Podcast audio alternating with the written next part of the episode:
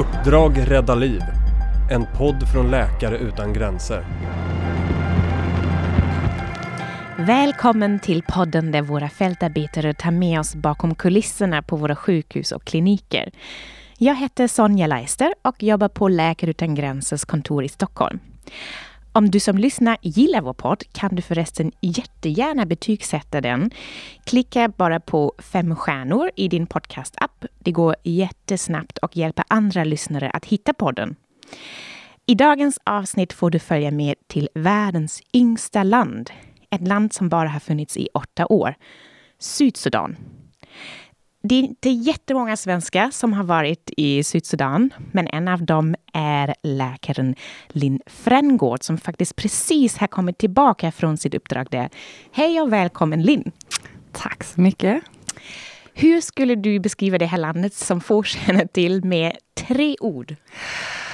Då måste jag ändå säga att eh, hetta, lerhyddor som också kallas tukuls eh, och soggum som kanske är någonting som inte alla vet vad det är. Är det det man äter? Precis. Det är, så här, är det hirs eller någonting sånt? Det är något slags sädeslag eh, som man kokar upp och som blir till en eh, brunaktig sörja som är deras liksom, basföda där. Okej, okay. någon sorts aldrig... gröt kanske man gör av det. Ja. Men när du säger hetta, hur, hur varmt var det nu eh, när du var där på uppdrag? Eh, jag var ju där framför allt under tork, eh, torkan eh, och det var ju över 40 grader. I solen var det över 50. Eh, och det är extremt torr och dammig hetta. Alltså det här med dammkärringen, jag har faktiskt varit en kortis i Sydsudan också och jag kommer ihåg när jag flög in där över landet. Jag tänkte, vad är det här? Det finns mm. damm, damm, torra buskar, damm. Mm. Ja. Nej, jag känner igen det. Absolut. Linn, du bor och jobbar egentligen i Malmö men arbetade i tre månader då i, på ett sjukhus eh, i ett flyktingläger i Doro, som staden heter. Kan du ta med oss dit? Hur ser det ut i Doro? Ja, eh, jag vet inte om jag vill kalla det en stad. Okej, by eller? Ja, alltså det består ju av eh, ett flyktingläger. Eh, mm. Och alltså, jag, jag kommer ihåg det här när man flyger över den här tumma savannen som du beskriver den, väldigt torr och lite buskig. Och sen eh, landa liksom mitt i det här eh, tumma landskapet egentligen på en liten grusig eh, landningsbana. Och det som om, omger den här landningsbanan är ju flyktingläger som består av lerhyddor, skjul, och så vidare. Hur många ehm, bor där? Omkring 70 000 tror jag. Oj, det är ju många. Ja, det är en del. Eh, och sen en liten del av lokalbefolkning som var där innan flyktingarna kom. Som jag nämnt innan, damm liksom. Det är konstant överallt och färgar både ens vita MSF-tröjor väldigt snabbt gula.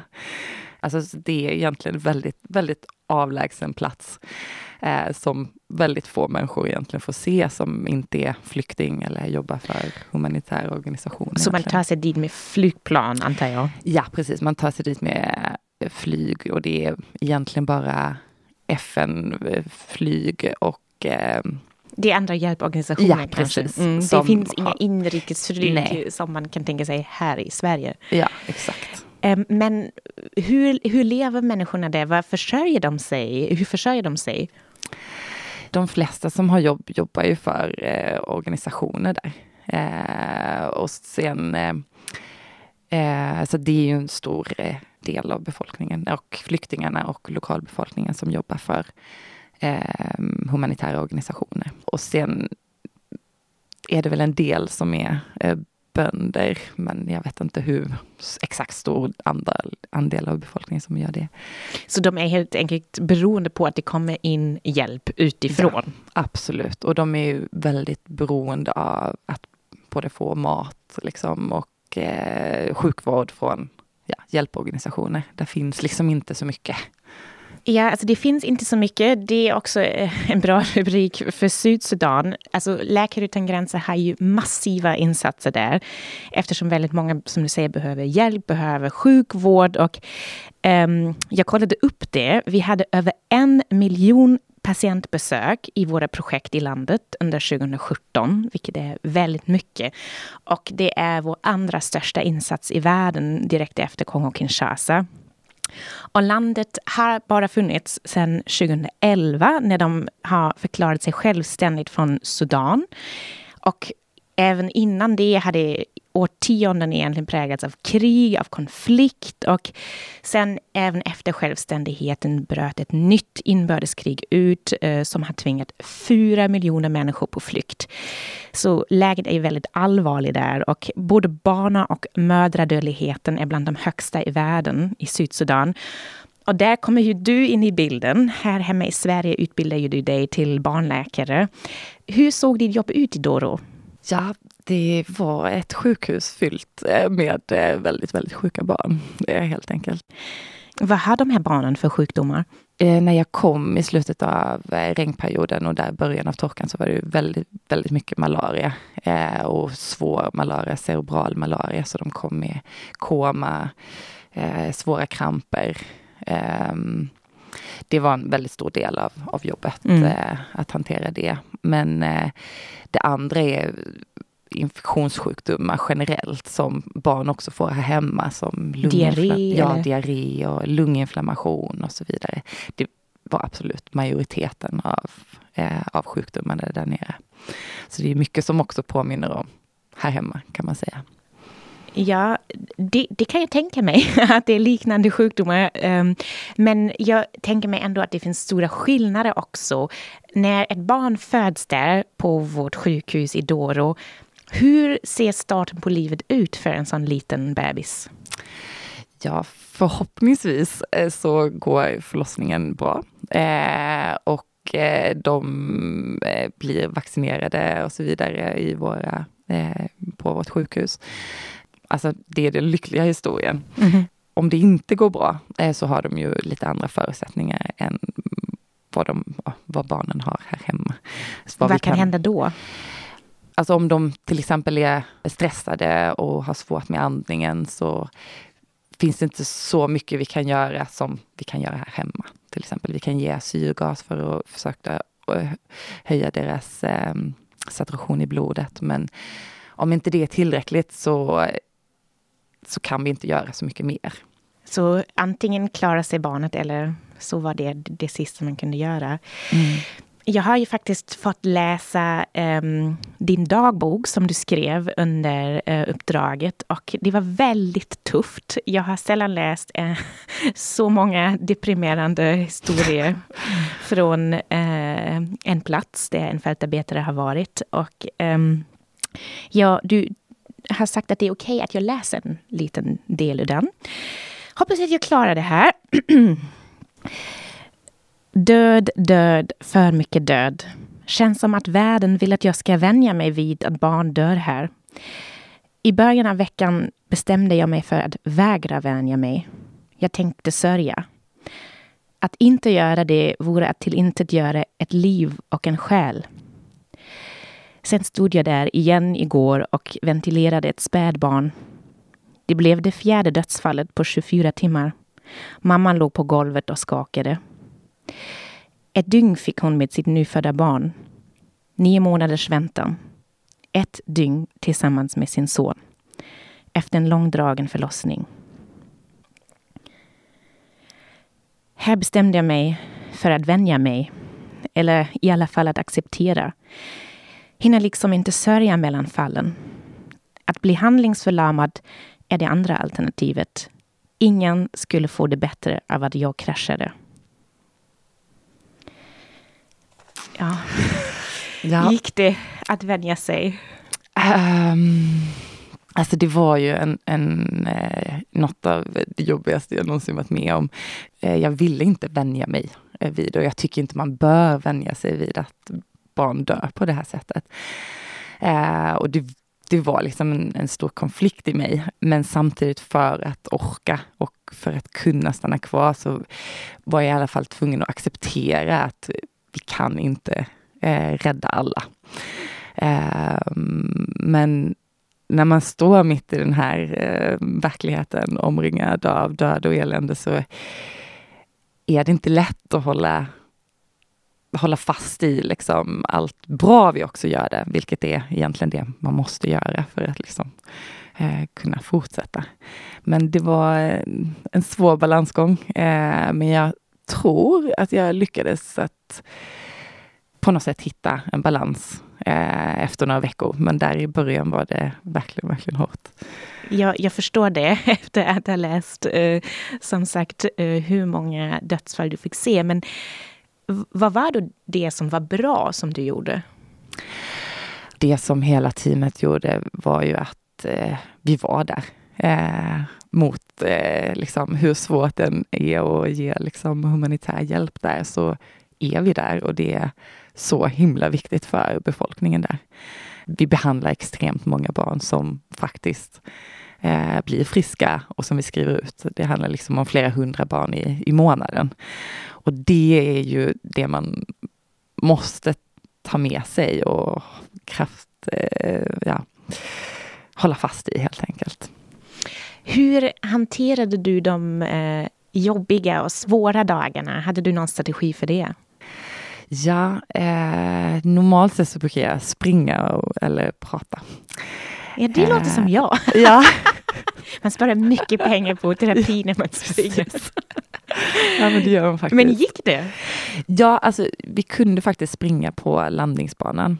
Eh, som var fem minuter från vårt läger och det var väldigt terapeutiskt på många sätt att bara komma ut ur den här bubblan och se liksom, liksom en liv och barn som sprang omkring och eh, som sprang med oss. Och det var liksom väldigt mycket livsglädje i det.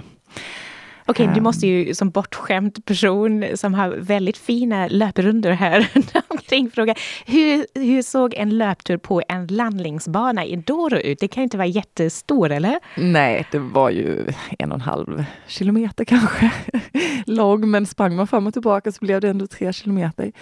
Eh, och den var ju ja, grusig, dammig, men Vad såg du det? Alltså vad är runt omkring landningsbanan? Runt ingen... omkring så är det ju hyddor, eh, mm. flyktingläger och sen också lite buskig natur. Men det mest fantastiska var ju solnedgångarna där när man kom. Stor apelsin liksom, som, som går ner. Jättevackert. Men det som jag tycker är så skönt med att springa är att, jag, att man kan vara själv mm. och att man kan verkligen komma till en helt annan plats. Men går det verkligen i Doro? Jag kommer ihåg i Sydsudan är man ofta in, omringad av typ 35 barn. Ja. Eh, var det likadant? Det var absolut, det var så. Men det var också, eh, det gav också rätt mycket energi att eh, liksom de sprang och sjöng och eh, ja. Bredvid dig? Ja, inte alltid, men ofta. Också härligt med en hejaklack kanske? Ja, men precis. Det kändes lite så här, nu, nu kör vi. Om du vill läsa mer om Linns tid i Doro så kan du förresten gå in på vår hemsida där det finns en förkortad version av dagboken. Det är alltså läkareutangränser.se. Eh, jag vet att en sak som ni också gjorde i Doro var att ni tog hand om barn med diabetes, vilket är ganska krångligt när man bor i ett flyktingläger där det är supervarmt i Sydsudan. Eh, kan du förklara lite, hur, hur gör man med de här barnen? Vad gjorde ni? Alltså det som är problemet är ju att eh, de har ingen elektricitet, alltså inget kylskåp. Eh, och insulinet som de måste ha eh, liksom för att överleva eh, måste vara i ett kylskåp helt enkelt. Så de kom till eh, sjukhuset eh, en gång om morgonen och en gång om kvällen för att få sin dagliga insulin. Det är ju inte helt oproblematiskt att behöva vara så beroende av eh, att alltid vara nära kliniken för att få den medicinen de behöver helt enkelt. Så de kan ju aldrig röra sig ifrån Doro heller? Nej, i princip inte. Det, är det ju inte så många som gör heller, utan de håller sig ju ofta däromkring. Men det var vissa som, eh, som flyttade på sig till andra delar som ja, försvann liksom lite från vår lista eh, under perioder och det vet vi inte riktigt hur det gick för dem. Nej, vad svårt. Eh, hur går det överhuvudtaget att förklara liksom för barnen och föräldrarna att de ska ta sig till kliniken två gånger om dagen? Går det eller hur reagerar de på det? Det, det går faktiskt. Det var inte eh, helt lätt att eh, liksom, få dem att förstå, men jag tror att de märkte också rätt snabbt att de började må dåligt om de inte fick den här medicinen. Så att eh, de flesta kom ändå eh, regelbundet. Sen var det lite Eh, kanske inte alltid så tidigt om morgonen som de borde ha gjort eller exakt tiden eh, på kvällen eh, som de skulle komma. Men eh, jag tycker ändå att de flesta de, de kom för att de, det var, de visste att det var liksom livsnödvändigt för dem att få den här medicinen. Jag vet att du hade väldigt tuffa dagar på jobbet med svårt sjuka barn, men hur såg din vardag annars ut? Eh, jag läste även i din dagbok att du ville åka hem eh, första veckan. varför, ja. varför var du så mycket i chock? Ja, men det är hela kombinationen av är väldigt överväldigande ställe att komma till. Mm. Eh, både på grund av levnadsförhållanden som man själv ska bo i. Eh, väldigt primitivt. Eh, jag började Men hur med, bodde ni?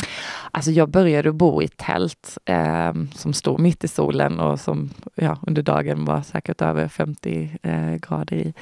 Var det du eller delade du tältet? Nej, jag, jag bodde själv. Alltså man bodde själv. Mm. så mm. Ehm, det var en typ av eh, boende. Eh, sen kunde man också bo i en lerhydda eh, som heter Tukuls. och sen hade de också byggt lite nya sådana här hyddor som var eh, snäppet bättre än de här gamla eh, lerhyddorna. Ja, sen är det ju utomhustoaletter och utomhusduschar och det är lite som ett campingliv man lever helt enkelt. Och ja, är, man ska liksom lära sig att hitta runt i det. Eh, och allting känns väldigt komplicerat i början. Liksom. Vad är det som är komplicerat till exempel? Ja, men alltså bara att gå in i duschen med en massa insekter i. Och liksom, man får lära man, sig vilka som är farliga. Ja, men precis. Alltså det är liksom lite obekvämt helt enkelt. Man har inte så mycket, man känner sig inte trygg i det här i början. Eh, och sen då ovanpå det ett helt gäng med nya människor som man ska bo ihop med. Eh, och att man inte kan röra sig utanför lägret. Och sen då jobbet eh, som också var väldigt överväldigande i början. Eh, så det är liksom kombinationen av allt det här som jag tror man bara känner. Jag tror att det är rätt normal känsla faktiskt den första veckan att folk bara, nej men gud, det här vet jag inte, hur ska det gå liksom? Men eh, de flesta kommer över den veckan och sen, sen ja, jag tycker man jag tycker det är rätt fascinerande att man eh, vänjer sig väldigt snabbt och boendeförhållanden blir liksom det blir inga problem efter en vecka för man har andra saker att oroa sig för. Liksom. Ja. Det är bra, man ja. flyttar fokus ja, eh, från toaletten till ja. någonting helt annat. Mm. Men vad gjorde ni för, på fritiden? Man, jag vet man har inte så jättemycket fritid, men för att koppla av, vad kan man göra då i Doro? Alltså jag tycker ändå vi, vi hade ett väldigt, väldigt bra team och eh, vi hade liksom våra traditioner med eh, varje onsdag fredag och söndag så var det volleyboll. Eh, Okej, okay. i 40 graders eh, värme. Ja, Trevligt. Det, det, var så här på kvällskvisten eh, så att det inte var allt för varmt. Eh, och sen eh, hade vi filmkvällar på söndagar. Och så var det eh, faktiskt en eh, italienare som hade varit där innan som hade byggt en, en stenugn så att man kunde baka stenugnspizza. Det låter ganska fancy måste jag säga. Ja, det var faktiskt väldigt lyxigt att eh, kunna få en riktigt god pizza så här mitt ute i ingenstans. Men okej, okay, nu är jag ändå förvånad. Efter mina egna upplevelser i Sydsudan är det ju sjukt svårt att få tag på mat. Eh. Och det är väldigt dyrt också. Mm. Eh, hur, hur hittade ni ingredienserna till en pizza idag då? Alltså det var ju inte så komplicerade pizzor. Liksom. Det var ju väldigt, eh, alltså deg kan man ju fixa och sen eh, potatis potatispizza körde vi faktiskt rätt mycket. Där man bara kokar potatis och lägger på. Jättegott. Eh, och sen tomat och ost, eh, liksom som en eh, margarita. Eh, så det, det gick faktiskt. Ja, ja. Och det var någon italienare också som hade varit där som hade odlat eh, basilika. Så vi hade också basilika. Så det var väldigt sådana här små, små saker som betydde otroligt mycket. Jag fattar det. Mm. Basilika i Doro, det måste ja. vara lyckan. Det var ja, fantastiskt. Vad var den bästa filmen du såg? Uh, alltså det var lite ett internt skämt för det var en av killarna som jag jobbar med som älskade Céline Dion. Så vi kollade faktiskt på Titanic. och det var något okay. sånt som jag trodde att ingen skulle orka sitta i tre det, timmar den och kolla. Är jättelång. Ja, den är jättelång. Men eh, det var faktiskt en av de filmerna som flest var kvar. Aha, guilty pleasure, du ja. älskar alla ja, men Jag den. tror faktiskt det, att det var lite så. Härligt med lite romantik ja. mitt, mitt i all stress. Leonardo DiCaprio, fantastiskt. Ja. Du har ju faktiskt också varit på ett uppdrag innan Sydsudan. Eh, ditt första uppdrag eh, gjorde du i Afghanistan. Där jobbade du i huvudstaden Kabul på ett sjukhus. Hur skilde sig de här två uppdragen? Alltså de skiljer sig otroligt mycket. Det går nästan inte att jämföra. Eh, bara kontexten att jag var i en huvudstad, eh, visserligen i utkanten av Kabul, men det var ändå, det var utbildad personal. Eh, där var, fanns läkare. Alltså afghanska? Afghanska mm. läkare. Eh, utbildade sjuksköterskor. Vilket är en stor kontrast till eh, Doro där är väldigt isolerat, avlägset ställe som egentligen inte har någon utbildad personal utan eh, de som jobbar på sjukhuset har vi liksom tagit in eh, och utbildat på plats. Eh, och sen så är det då vissa, de enda utbildade personalen kommer någon annanstans ifrån. Så I Afghanistan har man andra förutsättningar att jobba då? Absolut. Alltså nu har jag inte varit på i, eh, liksom, ute på vischan i Afghanistan. Där kanske det antagligen ser helt annorlunda ut. Men utbildad personal eh, håller sig ofta runt huvudstaden, mm. eller de stora städerna. Bara den resursen var ju en extremt stor skillnad. Men innebär det också att um, det går bättre för patienterna? Alltså är vården, ser vården annorlunda ut på ett sjukhus i Afghanistan än vad det gör i Doro?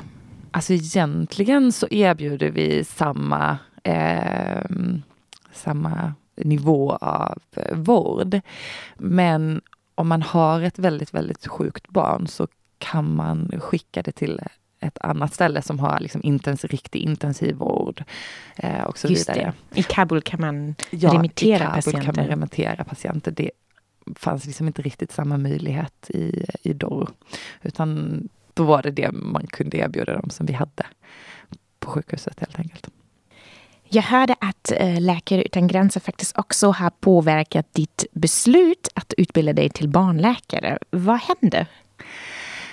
Ja, det var ju faktiskt efter att jag hade jobbat i Afghanistan för att eh, jag hade egentligen bara jobbat med vuxna innan och tänkte att jag skulle utbilda mig som eh, infektionsmedicinare. Eh, ehm, men när jag kom till eh, Afghanistan så var det, ju, det var ett eh, sjukhus som eh, fokuserade mycket på eh, mödravård och förlossningar. Det var över 60 födslar om dagen. Så de som var inläggda på medicinska avdelningen var ju framförallt nyfödda och barn. Ehm, så där fick jag liksom möta det här eh, och jobba med det dagligen och ja, se att jobba med barn är det bästa man kan göra helt enkelt. Eh, och det var inte någonting jag hade gjort särskilt mycket innan. Eh, så det var därefter jag bestämde mig för att det här måste jag fortsätta med. Varför är det det bästa man kan göra? Men oavsett vad du är, liksom, vad det är för kontext du är i, så finns det alltid en, en glädje i att jobba med barn. Det finns alltid eh, någon som hittar på något galet eh, som man kan skratta åt. Eller, och att de har en sån otrolig förmåga att eh, återhämta sig. Alltså, de kan vara väldigt, väldigt sjuka ena dagen och sen springa runt och leka den andra. Det är väldigt härligt att, eh, att kunna se den konsekvensen av en behandling. Va, vad är det för galna eller roliga saker som barnpatienter gör? Ja, alltså vi hade ballonger på avdelningen eh, ett tag vid jul eh, och då var det mycket det krig med eh, ballongerna eh, som kom flygandes överallt mycket glädje och skratt i alla fall i slutändan. Det är så man märker att ibland när man kom in på barnavdelningen så var det väldigt hög ljudnivå där. Liksom folk, barnen skrek och skrattade och då visste man att man snart kunde skriva ut dem. För att det är ett tecken på att de faktiskt börjar bli friska igen. Det är bra. Ju högre ljudnivå desto friskare. Absolut. Hur många barn var det där på avdelningen? Hur många rymdes? Sammanlagt tror jag vi hade omkring 60 platser. Finns det något uppdrag du helst skulle åka till eh, som nästa uppdrag? Alltså jag skulle jättegärna åka till Kongo. Eh, men där, jag pratar ju tyvärr inte franska, så det är lite av... Eh, ja, så det kan bli väldigt svårt, men det är mer... De har många barnsjukhus där och det ska också vara en rätt otroligt svår kontext men också väldigt, väldigt fantastisk natur. Eh, så det är någonting som jag känner att det hade jag egentligen velat göra. Men då får jag Du får läsa med. franska. Ja, jag vet. Det är bara det där med att sätta sig ner och ja, göra det. jag vet hur svårt det är. Mm. Tack så mycket Linn Frängård att eh, du var med och berättade mer om ditt arbete i Sydsudan och Afghanistan. Tack så mycket.